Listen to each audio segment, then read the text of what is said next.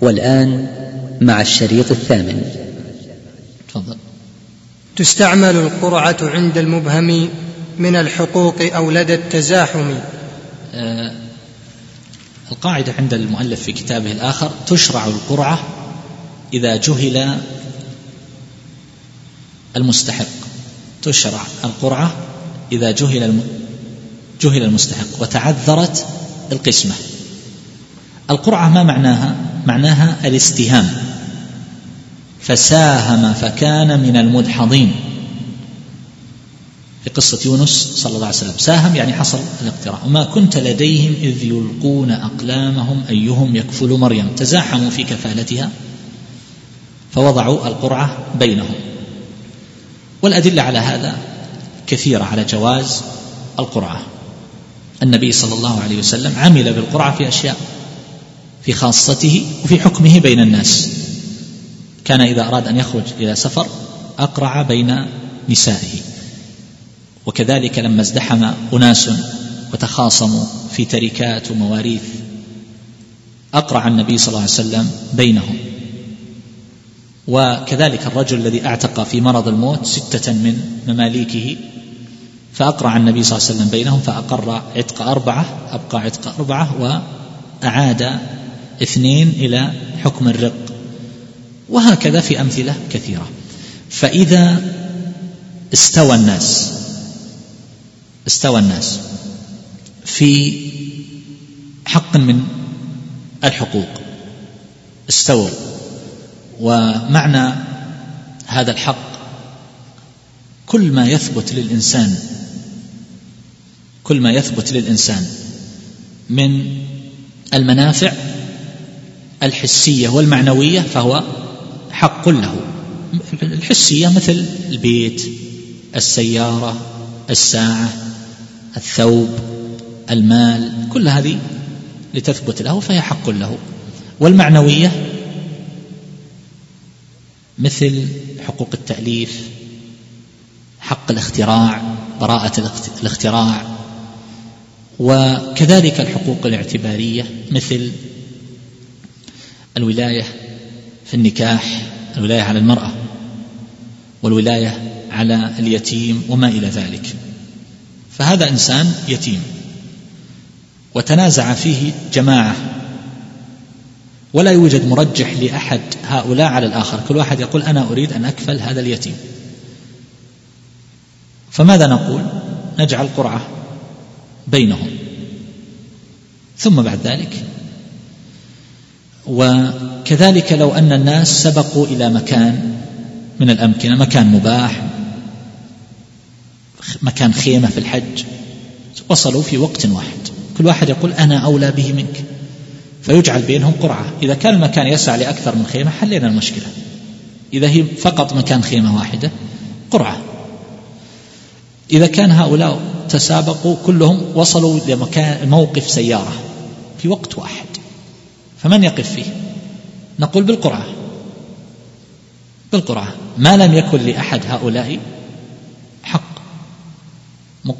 يترجح فيه على صاحبه. فنقول بالقرعة لو أن هؤلاء الناس سبقوا إلى فيضة. مكان روضة مكان فيه ماء وعشب جيد. فذهبوا إلى نزهة أو إلى رعي أو غير ذلك ووصلوا في وقت واحد. إلى هذا المكان. من الأحق فيه؟ ما يستطيعون يقتسمونه. فهنا نقول هؤلاء يقرع بينهم. اللي تظهر له القرعة لو أجرينا بين الناس مسابقة وليس عندنا إلا جائزة واحدة وفاز خمسة. فماذا نصنع؟ نجري قرعة بينهم ونعطي الجائزة لأحد. إذا كان عندنا أكثر من جائزة نعطيهم جميعا. إذا كان الشيء يمكن أن يقسم يمكن أن يقسم. فماذا نصنع؟ نقسمه. من قتل قتيلا فله سلبه. قتله اثنان في وقت واحد كلهم ضربه ضربة قاتلة. كلاكما قتله كما في الحديث. فهنا ماذا نصنع بالسلب؟ نقسم السلب بينهما. لكن لو كان السلب شيء واحد ولا يقسم. فهنا ماذا نصنع؟ نقول نجري بينهم قرعة. إذا ما أمكن قسمة هذا الشيء. لو وجدت لقطة ناس يمشون فإذا بقطعة من المال أو الذهب أو نحو هذا. كلاهما رآها وليس أحدهما أسبق من الآخر إليها مثلا. ما أخذها قبل صاحبه أو نحو هذا. فهنا تنازعوا فيها. فماذا نقول فيها؟ نقول يقرع بينهم قرعة. من ظهرت له القرعة فهو فهو له فهي له. فالقاعدة تشرع القرعة إذا جهل المستحق وتعذرت القسمة. لماذا نلجأ إلى القرعة؟ لفض المنازعة. لأن الوصول إلى الحق إما أن يكون ذلك بطريق الشرع أو بطريق القدر بطريق القدر. فإذا أمكن مع أن هذه القضية أشار إليها الشرع أرشد إليها واعتبرها. لكن المقصود أن يكون ذلك بخصوصه. الحق لفلان. ما أمكن الوصول إليه. ففي هذه الحالة ماذا نصنع؟ نلجأ إلى إيصاله إليه بطريق القدر. القدر نجري القرعة ونقول خلاص هو لك يا فلان. لاحظتم؟ هذا المعنى ذكره ابن القيم رحمه الله. إذا تكون القرعة في الحقوق المتساوية أو في تعيين آه المستحق. نعم. وإن تساوى العملان اجتمعا وفعل أحدهما فاستمعا. يقول يقول وإن تساوى العملان اجتمعا والشطر الثاني من البيت فيه إشكال فيه شيء. وعلى كل حال معنى القاعدة أو نص المؤلف رحمه الله على القاعدة في كتابه الآخر إذا اجتمعت عبادتان من جنس واحد تداخلت أفعالهما واكتفي عنهما بفعل واحد إذا كان مقصودهما واحد مكتوبة ولا لا؟ طيب. فهذا نص القاعدة عند المؤلف رحمه الله. إذا اجتمعت عبادتان من جنس واحد تداخلت أفعالهما واكتفي عنهما بفعل واحد. طبعا التعبير بعبادة فيه شيء من التوسع. هذا هذه القاعدة في التداخل بين الأعمال. تداخل بين الأعمال. إذا تداخلت هذه الأمور وكان المقصود واحدا مع اتحاد الصورة ففي هذه الحال نقول إنهما نحكم بأنه يكفي فعل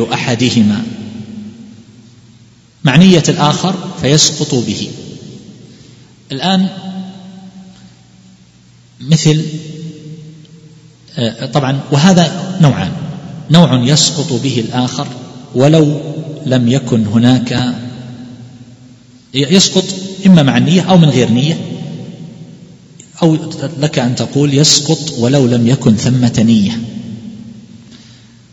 والنوع الثاني هو ما يدخل فيه ويحصل له أجره مع الآخر بالنية والعمل واحد.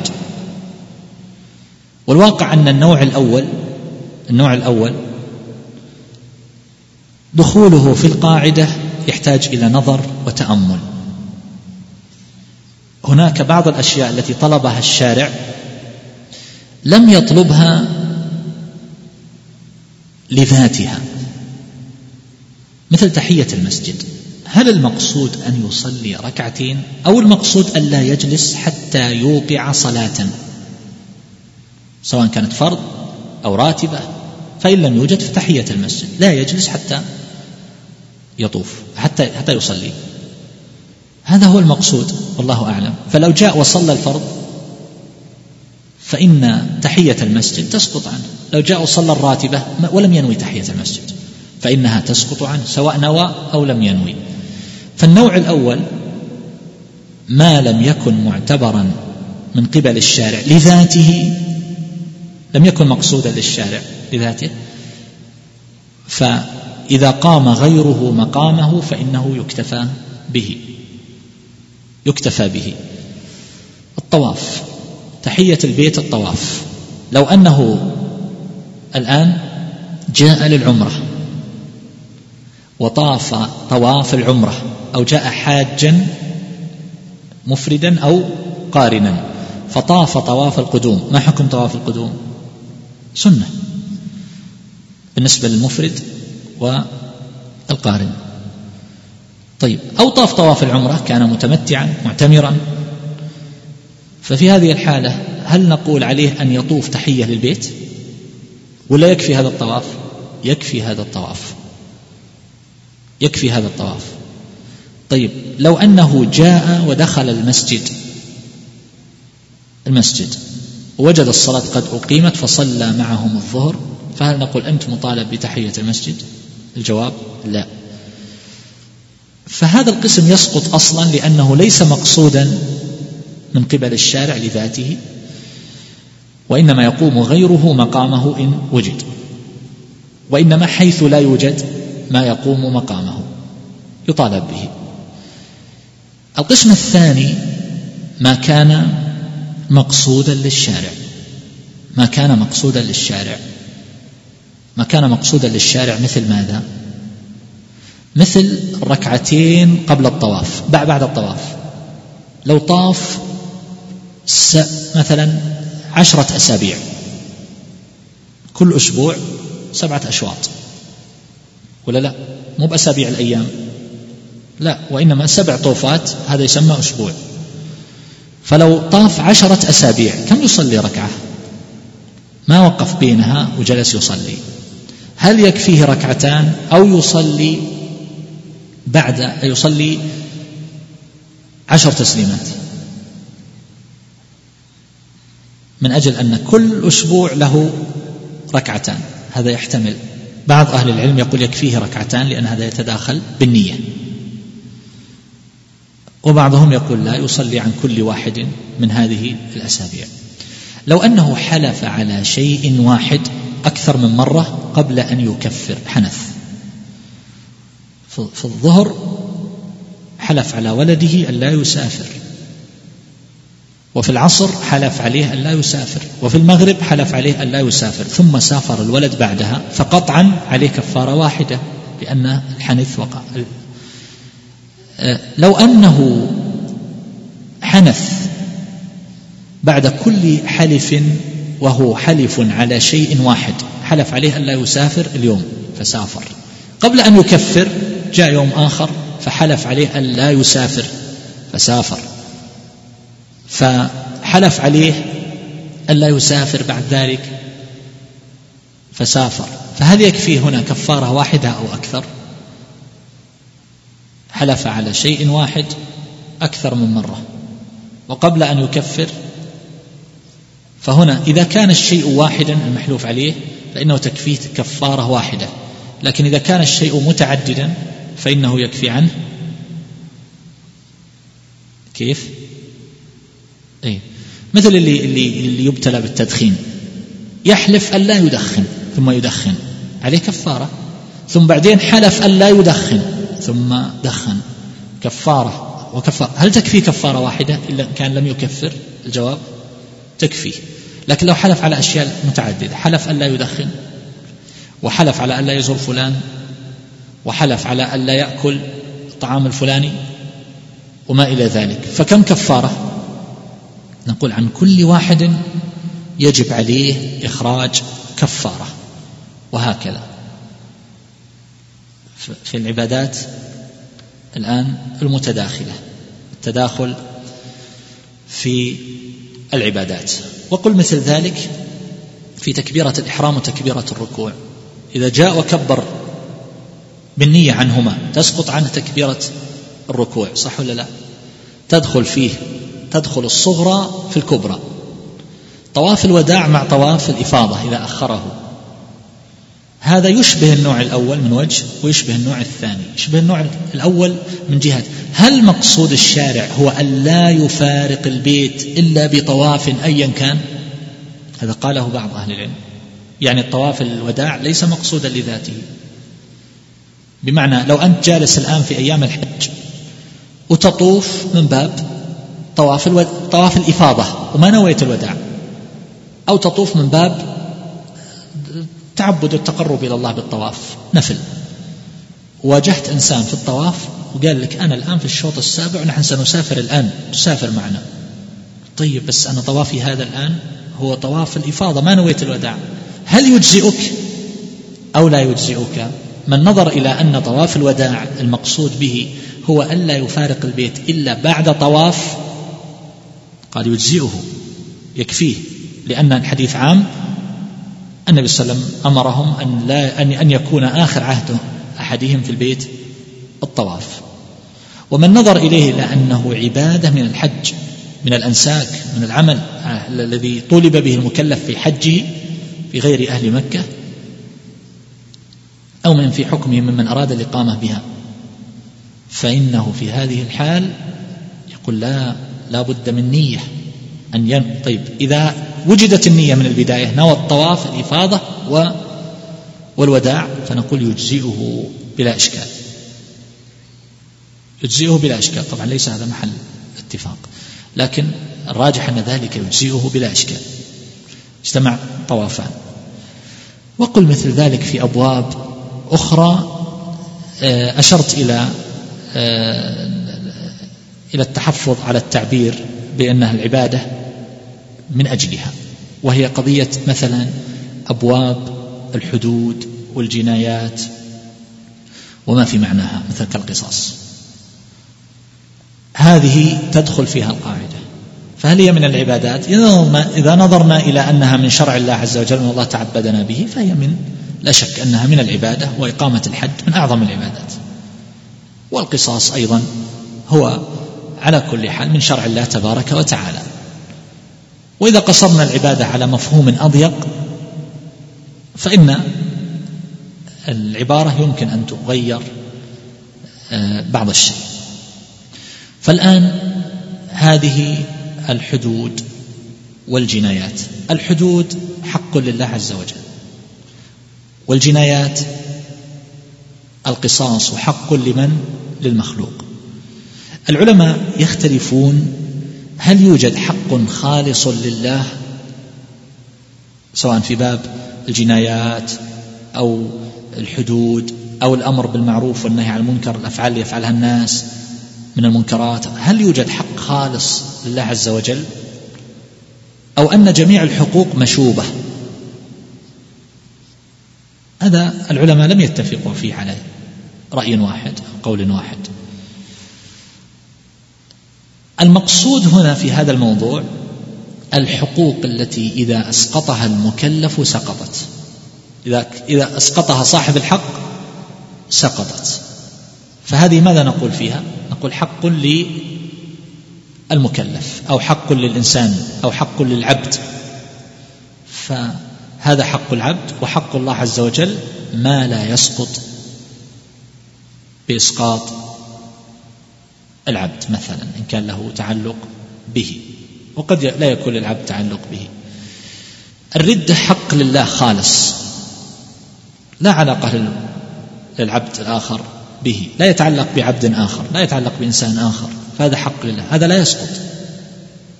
فهذا الإنسان ارتد عن الإسلام. فمن بدل دينه فاقتلوه. هل تنفع فيه التوبة ولا ما تنفع؟ لو تاب. لو تاب يقبل هذا منه. و ويرتفع عنه الحكم. طيب لو أن هذا الإنسان الذي ارتد عن الإسلام قتل إنسانا فوجب عليه القصاص مع ردته لاحظ اجتمع الآن. وعمل البعيد عمل قوم لوط. والراجح في من عمل قوم لوط أنه يقتل. يقتل. فعمل هذا فاجتمع هنا حد يقتل حدا. ولا لا؟ لأن نص الحديث لأن هذا شيء حده الشارع وليس تعزيرا. وكان يتعاطى السحر والنبي صلى الله عليه وسلم أمر بقتل الساحر. هذا أيضا من جملة هذه الحدود. فهذا ساحر ومرتد وقاتل وفعل هذه الفاحشة. فماذا يصنع به؟ هل يمكن هذا أن يتجزأ؟ ويتعدد ويتنوع. يقتل كم مرة؟ قتل الأولى بنية كذا والثانية بنية كذا. لا هي قتلة واحدة. في محل واحد لا يتعدد صوره في الإزهاق إزهاق النفس. فهنا نقول يقتل. نقتله بنية الجميع؟ ممكن. ويمكن أن يقتل بنية بأي نية؟ بنية القصاص يعني ما يتعلق بحق المخلوق. ليه؟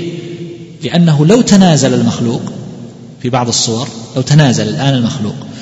وبقيت الردة مثلا ردة فقط مع قصاص؟ وبقيت الردة.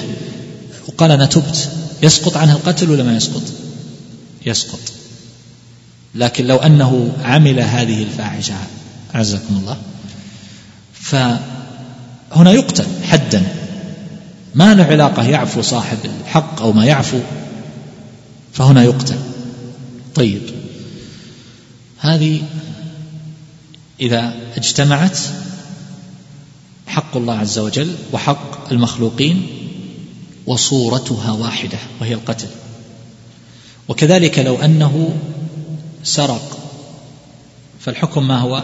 حد قطع اليد. هل يمكن لأحد أن يعفو عنه بعد ما وصلت إلى السلطان؟ الجواب لا. طيب لو أنه قطع يد إنسان فماذا نصنع به؟ نقول تقطع يده. هل يمكن يتعدد هذا؟ نقول تقطع اليدين واحدة للسرقة وواحدة للقصاص؟ الجواب لا. طيب ماذا نقدم؟ يمكن أن نجمع بينهما بالنية. ويمكن أن يقدم حق المخلوق لأن القصد به التشفي. نقول ها قطع يدك هذا ها تقطعت يده. ماشي. والأصل أن يجمع بينهما بالنية. طيب إذا تعددت هذه الأعمال في باب الجنايات والحدود والقصاص. وجب عليه الجلد لأنه قذف فلان. ووجب عليه القتل لأنه قتل فلانا الآخر. ووجب عليه القتل لأنه تعاطى هذه الفاحشة مثلا. فماذا نصنع به؟ نقول يكفي الأعظم وهو القتل وننهيه وخلاص ما في داعي نعذبه ونجلده. يكتفى بالأشد الذي فيه إزهاق. نقول إذا فيه حقوق للمخلوقين فإنها تعتبر. تعتبر. فنقول هذا الإنسان قطع يد زيد فتقطع يده قبل ما يقتل. ها يا فلان قطع يدك هذه يده قطعت. قذف عرضك الحق للمكلف فإنه لو تنازل فيجلد ثمانين جلدة. ثم يقتل قصاصا. هذا إذا كانت الحقوق للمخلوقين. طيب إذا كان حقوق للخالق وفيها ما هو أشد وما هو أخف. فماذا نصنع؟ بعض أهل العلم يقول يكتفى بالأعظم خلاص. القتل إذا يكتفى بالأعظم إذا إذا كان قتلا في إزهاق نفسه. وإذا كان غير القتل فلا شك أنه تطبق عليه هذه الأشياء إنسان سرق تقطع يده قذف عرض هذا يجلد. زنى وهو غير محصن يجلد وهكذا. جرح إنسان يجرح بمثله. فمنها ما يتداخل ومنها ما لا ما لا يتداخل. وهكذا. طيب تفضل. مشغول فلا يشغل. كذا. يلا ماشي. وكل مشغول فلا يشغل. مثاله المرهون والمسبل. هذه القاعدة واضحة إن شاء الله. يعبرون عنها بأنه المشغول لا يشغل. ما معنى المشغول؟ يعني مثل المرهون. هذه الساعة رهن عند زيد في القرض الذي اقترضته منه. واضح؟ خلاص هي مشغولة الآن بالرهن. هل يجوز لي أن أبيعها؟ أن أشغلها بعقد آخر؟ لا. فهي مرهونة مثل الآن البيوت المرهونة. المكتب العقاري يعطيه قرض ويرهن الصك. ما يجوز له أن يبيع هذا البيت. ليه؟ لأنه مرهون فتضيع الحقوق ما فائدة الرهن. رهن عندي سيارة في قرض اقترض مني خمسين ألف. ورهن عندي سيارة تسوى مئة ألف. ثم أفاجأ جايني إنسان يطرق الباب قال والله أريد منك السيارة. أي سيارة؟ سيارة زيد. لماذا؟ قال هذا الاتفاق وهذا العقد باعها لي. ما شاء الله. إذا ما فائدة الرهن؟ فالمش... ما يعتبر هذا البيع. المشغول آه، وكذلك لو أنه وقف هذه العمارة. قال هذه العمارة وقف. وقف. للأيتام. ثم بعد ذلك أراد أن يبيع هذه العمارة يصلح؟ لا. أن يعطيها أحد الجمعيات الخيرية ويقول ليس مجالهم الأيتام أصلا وإنما مجالهم طباعة الكتب والتعليم. يقول خذوها. نقول لا المشغول لا يشغل. شوف غيرها عمارة أخرى. المشغول لا يشغل. وهكذا في كثير من الأشياء التبرعات. بنية المتبرع. هذا التبرع إفطار صائم. ما يجوز تضعه في كفالة أيتام أو في طباعة كتب أو في غير ذلك. هذا ما يصلح. ما يجوز لك أن تتصرف في هذا التصرف. مشغول لا يشغل. هذا المال صرف في هذا الوجه. فتعلق به الحق. فعند ذلك آه، وهكذا في كثير من الأمثلة. المشغول لا يشغل. العقود التي تقع بين الناس في الصنائع والأعمال وغيرها اتفاق على إجارة استئجار اتفق مع عمال مع موظفين. وقال لهم العمل عندي من الساعة الثامنة صباحا إلى الرابعة عصرا. فهنا لا يجوز لهم أن يدخلوا في عمل آخر في هذا الوقت. يتفقون معه؟ وبعدين رايحين متفقين مع أطراف آخرين على أشياء أخرى في هذا الوقت. هذا ما يجوز. يقول إيه أنا أسويها على الطريق؟ ما تأخذ مني جهد في الكمبيوتر؟ لا ما يجوز.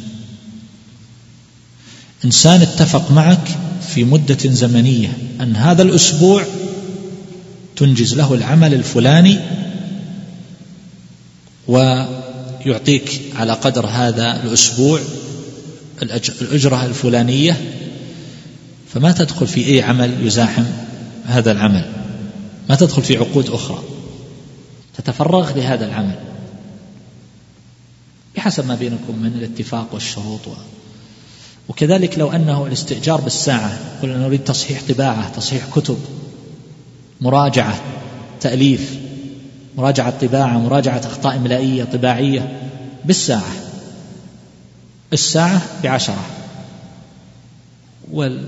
والأخ في هذه الساعة يدخل في شغلة ثانية يتفق مع آخر. فهذا لا يجوز. المشغول لا يشغل. وهكذا. طيب تفضل. ومن يؤدي عن أخيه واجبا له الرجوع إن نوى يطالبا. نعم. آه نص القاعدة عند المؤلف كما ترون من أدى عن غيره واجبا بنية الرجوع عليه رجع وإلا فلا. الآن الديون وال... التي على المكلف سواء لله عز وجل أو للخلق. في الجملة نوعان. نوع يحتاج إلى نية ونوع لا يحتاج إلى نية. هكذا يقسم الفقهاء عادة رحمهم الله. ما يحتاج إلى نية مثل النذر والزكاة. فهذا يحتاج إلى نية. كثير من الناس يسألون يقول أنا أقرضت إنسانا عشرة آلاف وهذا الإنسان فقير. وتبين لي أنه لا يستطيع أن يوفي. فهل يجوز لي أن أحتسبها من الزكاة؟ الجواب لا. إنسان يقول أنا أجرت لفلان شقة قيمتها عشرة آلاف ثم تبين لي أنه فقير وعاجز ولا يستطيع أن يسدد فأراد أن يحفظ هذا الإنسان ماله المؤجر. فقال هل أحتسبها له من الزكاة؟ نقول هيهات. إنما المعتبر في ذلك هو وقت الأداء أو وقت الدفع أو وقت التسليم هو المعتبر النية فيه هي المعتبرة. ومع ذلك لا يعتبر. هذه الأشياء لا تكون النية فيها لاحقا. بينما هناك أشياء لا تحتاج إلى نية. المقصود أن تصل إلى المستحقين. مثل النفقة على من يعول الزوجة الأولاد فهنا المقصود أن تصل إليهم فهذا لا يحتاج منه إلى نية. مثل الدين قضاء الدين لا يحتاج إلى نية. رد المغصوب رد الرهن لو أنه انتقل إليه بأي طريقة. الرهن شاة أو جمل أو فرس فتح الباب خرج ووصل إلى بيت صاحبه. طبعا معروف هذه الدواب أحيانا إذا معتادة شيء ترجع تلقائيا. فرجع إلى بيت صاحبه ودخل فيه أو مزرعته فهنا رجع من غير إرجاعه أو أخذ إنسان ووصله إليه فتكون ذمته قد برئت. لكن في مثل الزكاة لابد لها من نية فلو أن غيره أدى عنه بدون ما يعلم سواء زكاة الفطر أو زكاة المال. إنسان ما فوض آخر فأخبره اتصل عليه وقال ترى أخرجت عنك زكاة الفطر.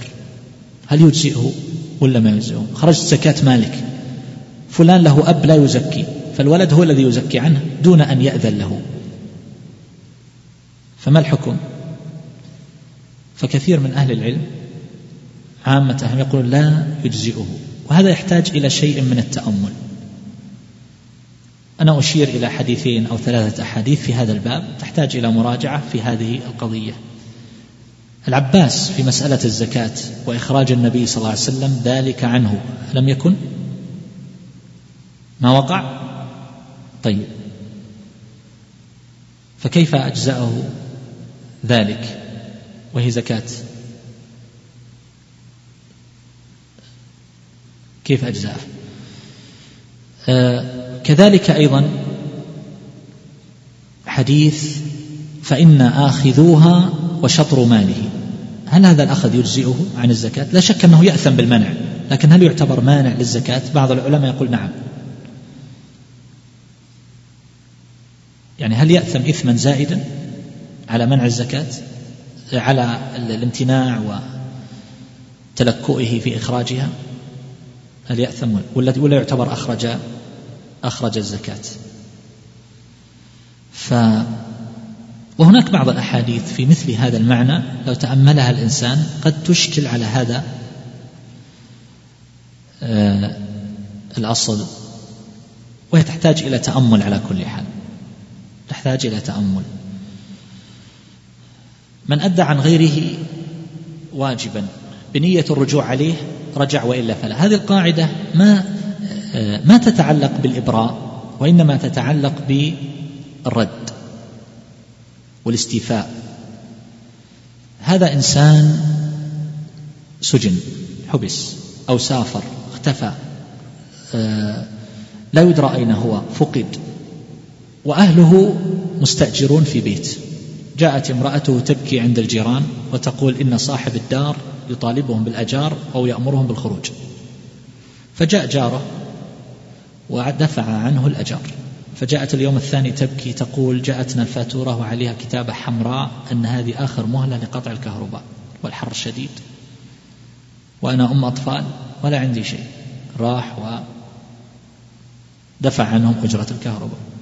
جاءت في اليوم الثالث تبكي تقول التلفون اتصلوا علينا قالوا سيقطعونه إذا ما سددنا هذا اليوم. راح ودفع عنهم. جاءت في اليوم الخامس تبكي تقول ما عندنا شيء والأطفال يبكون من الجوع. ذهب واشترى لهم كل ما يحتاجون إليه. بالمعروف مما يصلح لمثلهم.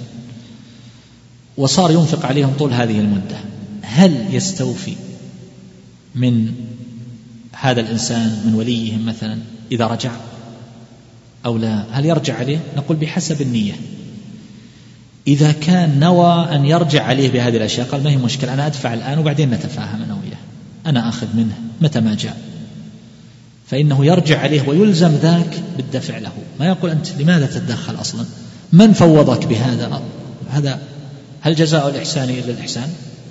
فيلزم بالرد. لو أنه فعل ذلك في تلك اللحظات لوجه الله وتبرعا ثم بعدين بدأ يحسب قال فلان رجع وفلان غني ويملك ثروة وأنا دفعت أموال كثيرة فأريد أن أرجع إليه. نقول لا ترجع. لأنها خرجت مخرج الصدقة. فلا ترجع في هذا. ما ترجع.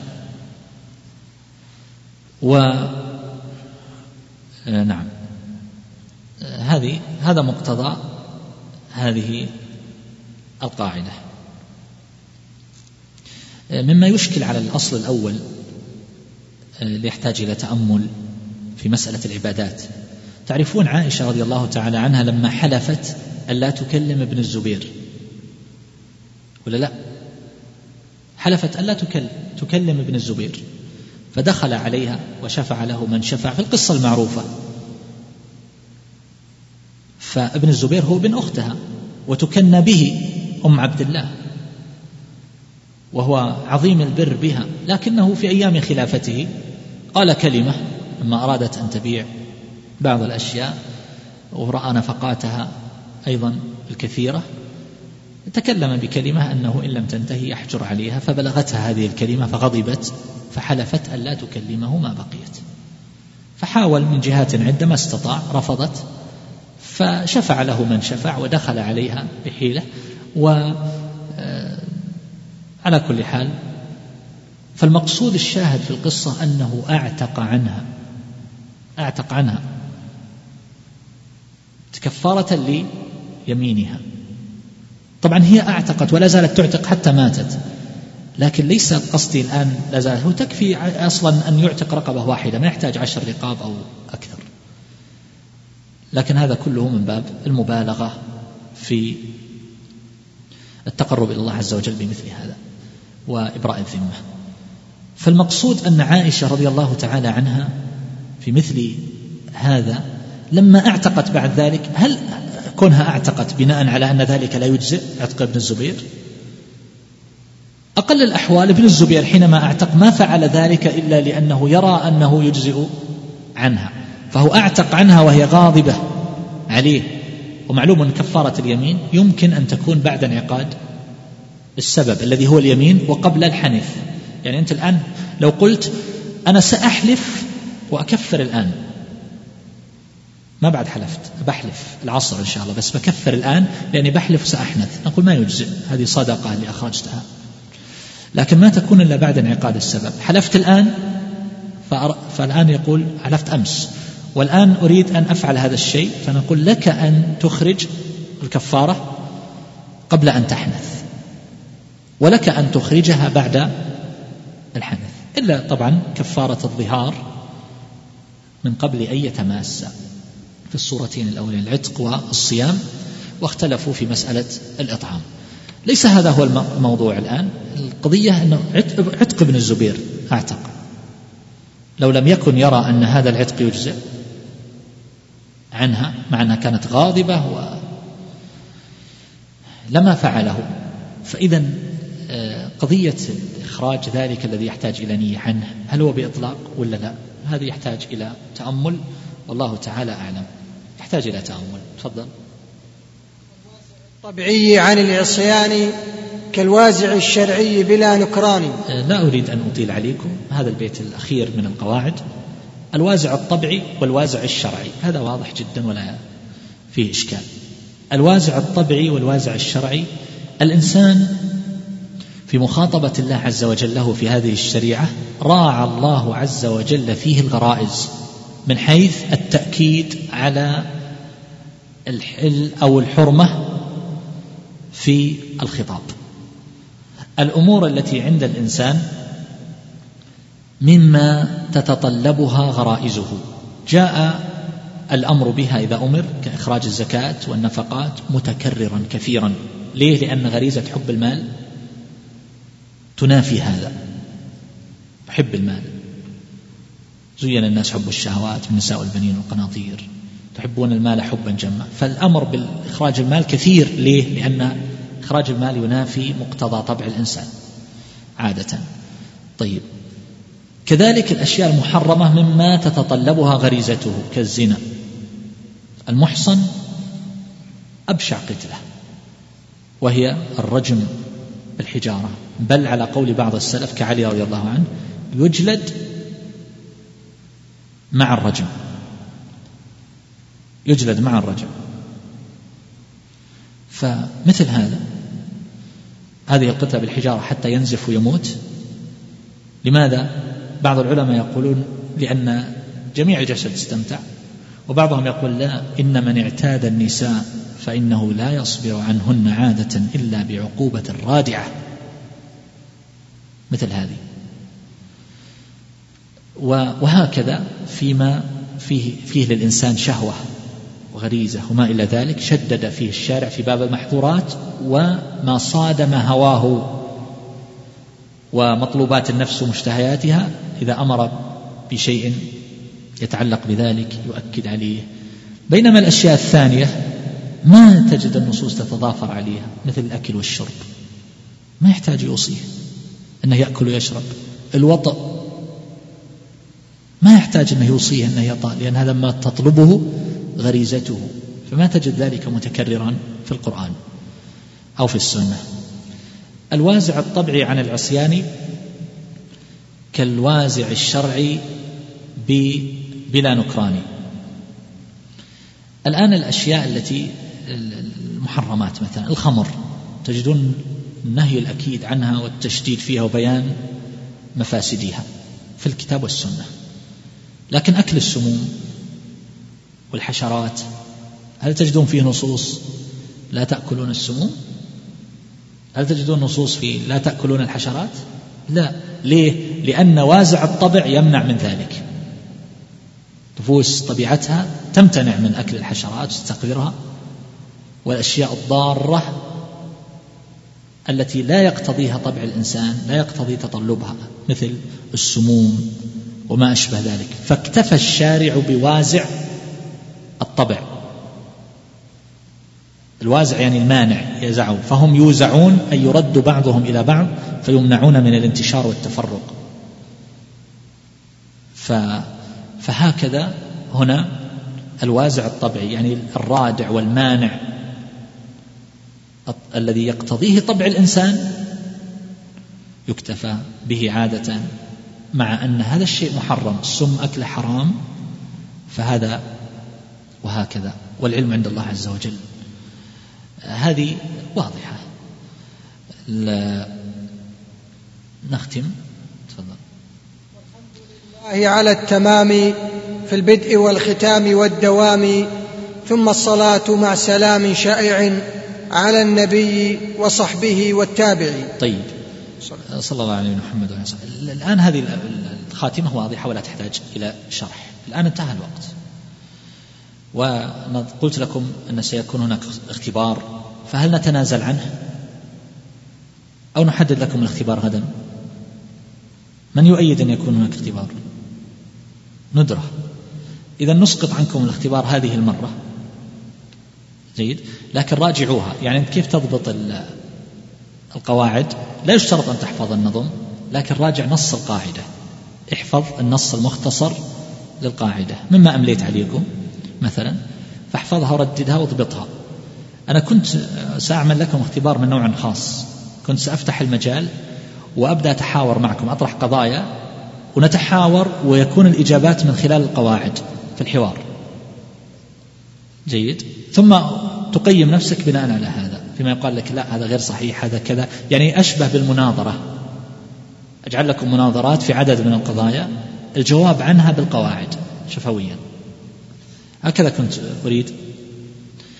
ولكن طريقة المراجعة اللي يذكرها العلماء دائما المذاكرة في الدرس والمرافقة في الدرس إلى آخره اجلس مع إنسان آخر وابدأ قاعدة قاعدة ابدأ تناقش أنت وياه في المسائل ويجيبك بالقاعدة وتسمع له القاعدة وتقول هل يدخل فيها كذا؟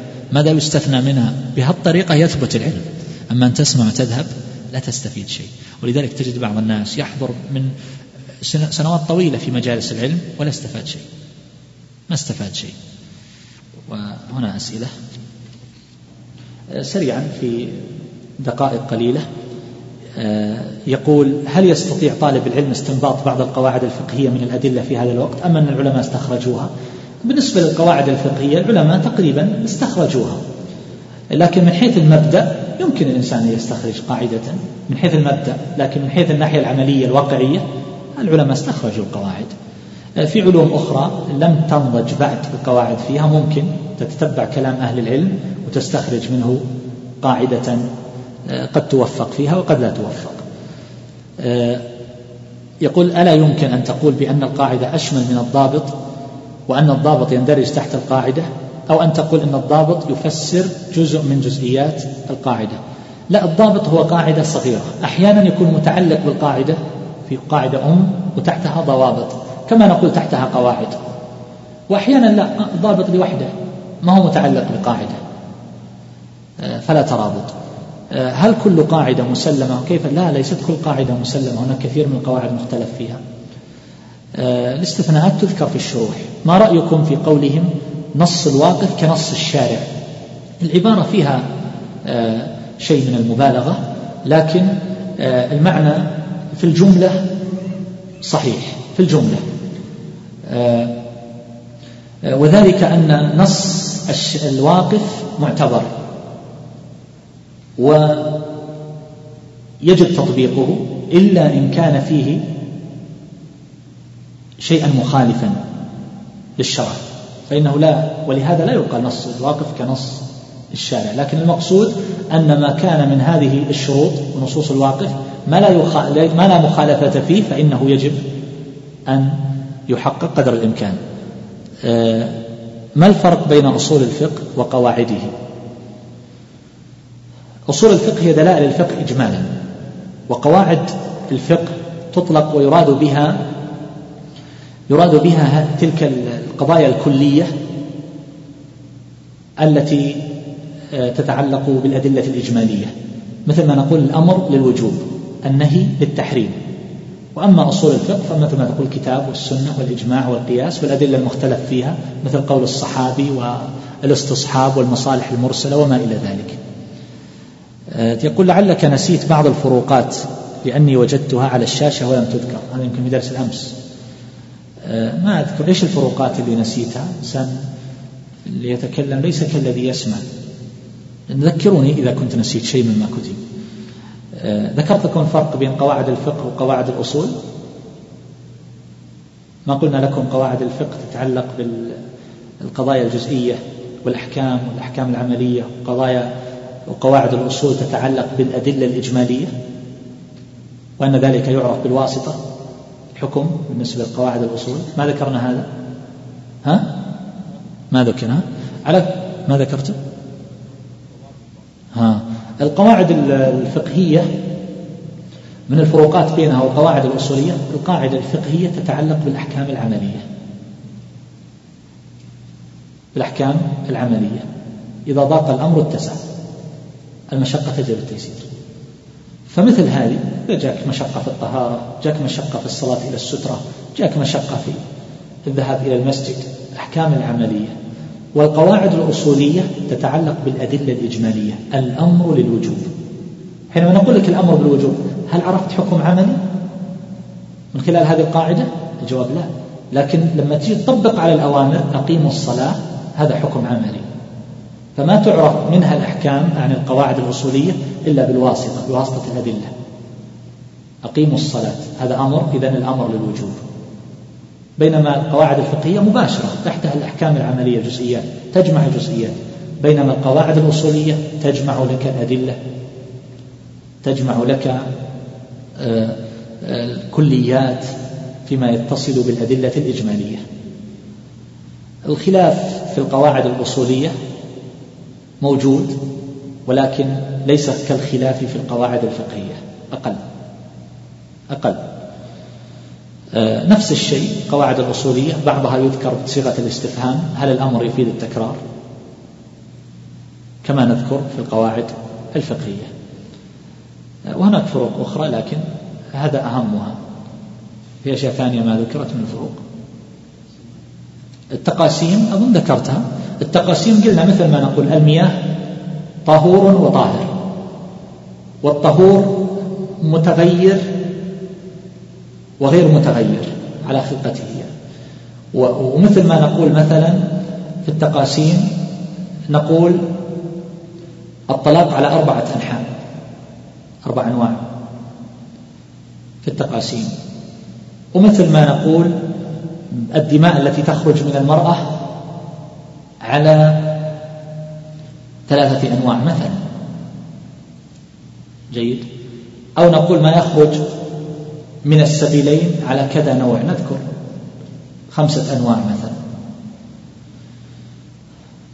وأما الفروق فمثل ما تقول تذكر الفروق بين الأشياء اللي بينها أشياء متشابهة. تقول الفرق بين الجمعة والظهر من وجوه. الفرق بين صوم النفل وصوم الفرض من وجوه. الفرق بين اليمين وبين النذر. ما هي الفروقات؟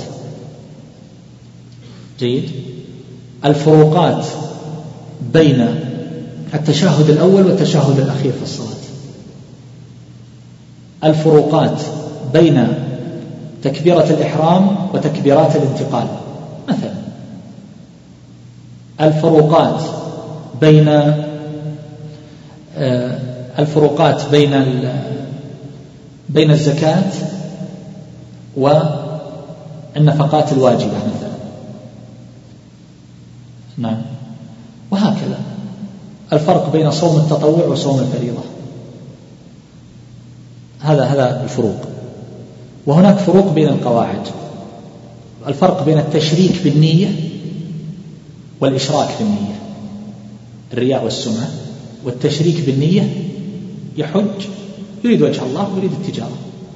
يجاهد يريد رفع راية الإسلام والغنيمة. هل يمكن أن تكون هناك أكثر من نية في عمل واحد؟ وما صورته؟ آه، نعم ممكن.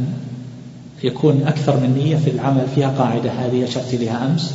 يصلي مثلا بنية الاستخارة والسنة الراتبة. يكبر عن الإحرام والركوع مع بعض. وكذلك في أكثر من نية في العمل نية العبادة ونية أخرى تجوز. مثل ما قلت ينوي الصيام وتخفيف الوزن. تقرب إلى الله وتخفيف الوزن. لا أدري أيهما أولى إنكار المنكر أم دعوة الشخص وجذب قلبه؟ هذا كله من الدعوة. الأمر معروف أن المنكر هو الدعوة وكل مقام له مقال. أحيانا الأحسن أن يؤخر هذا الشيء لهذا الإنسان لأنك ستلقاه وتلقاه وتلقاه والله يعلم المفسد من المصلح. قد يترك الإنسان الإنكار بحجج وهو لا ينكر ولا يغير ولا يدعو. آه، يقول ما كفارة صيام النذر؟ صيام النذر يصومه فإن كان معينا بوقت من الأوقات ولم يستطع فإنه يصوم في وقت آخر. فإن نذر الإنسان شيئا آه، مع العبادة كأن يكون مثلا آه، نذر أن يصوم آه، وهو أن يصوم في البيت في المسجد الحرام يوما. يصوم أو يصوم وهو معتكف.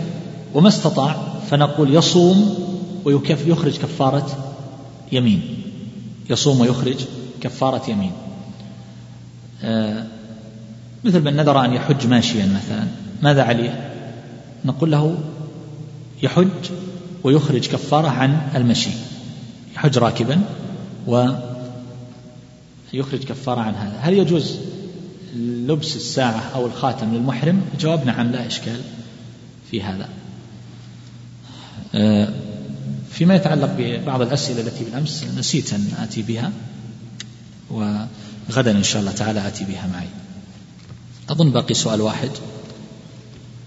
يقول سمعنا أناس يتكلمون عن كتاب التفسير آه، بأن يسأل عن أحد كتب التفسير يقول فيه أمور مخلة بالعقيدة. كثير من كتب التفسير والشروح الحديث وغيرها فيها أشياء مخلة بالعقيدة لكن أنا لا أدري لماذا نتسلط على كتاب واحد ونجعله شناعة. لماذا لا نتكلم عن الكتب الأخرى؟ كتب شروح حديث وكتب التفسير الأخرى وكتب كثيرة جدا آه، مليئة بالملحوظات في العقيدة وفي غير العقيدة. ولا يكون لها ذكر إطلاقا مع تداول الناس لها. فعلى كل حال الإنسان يجتنب الأخطاء التي في الكتاب ويستفيد مما فيه من الفوائد.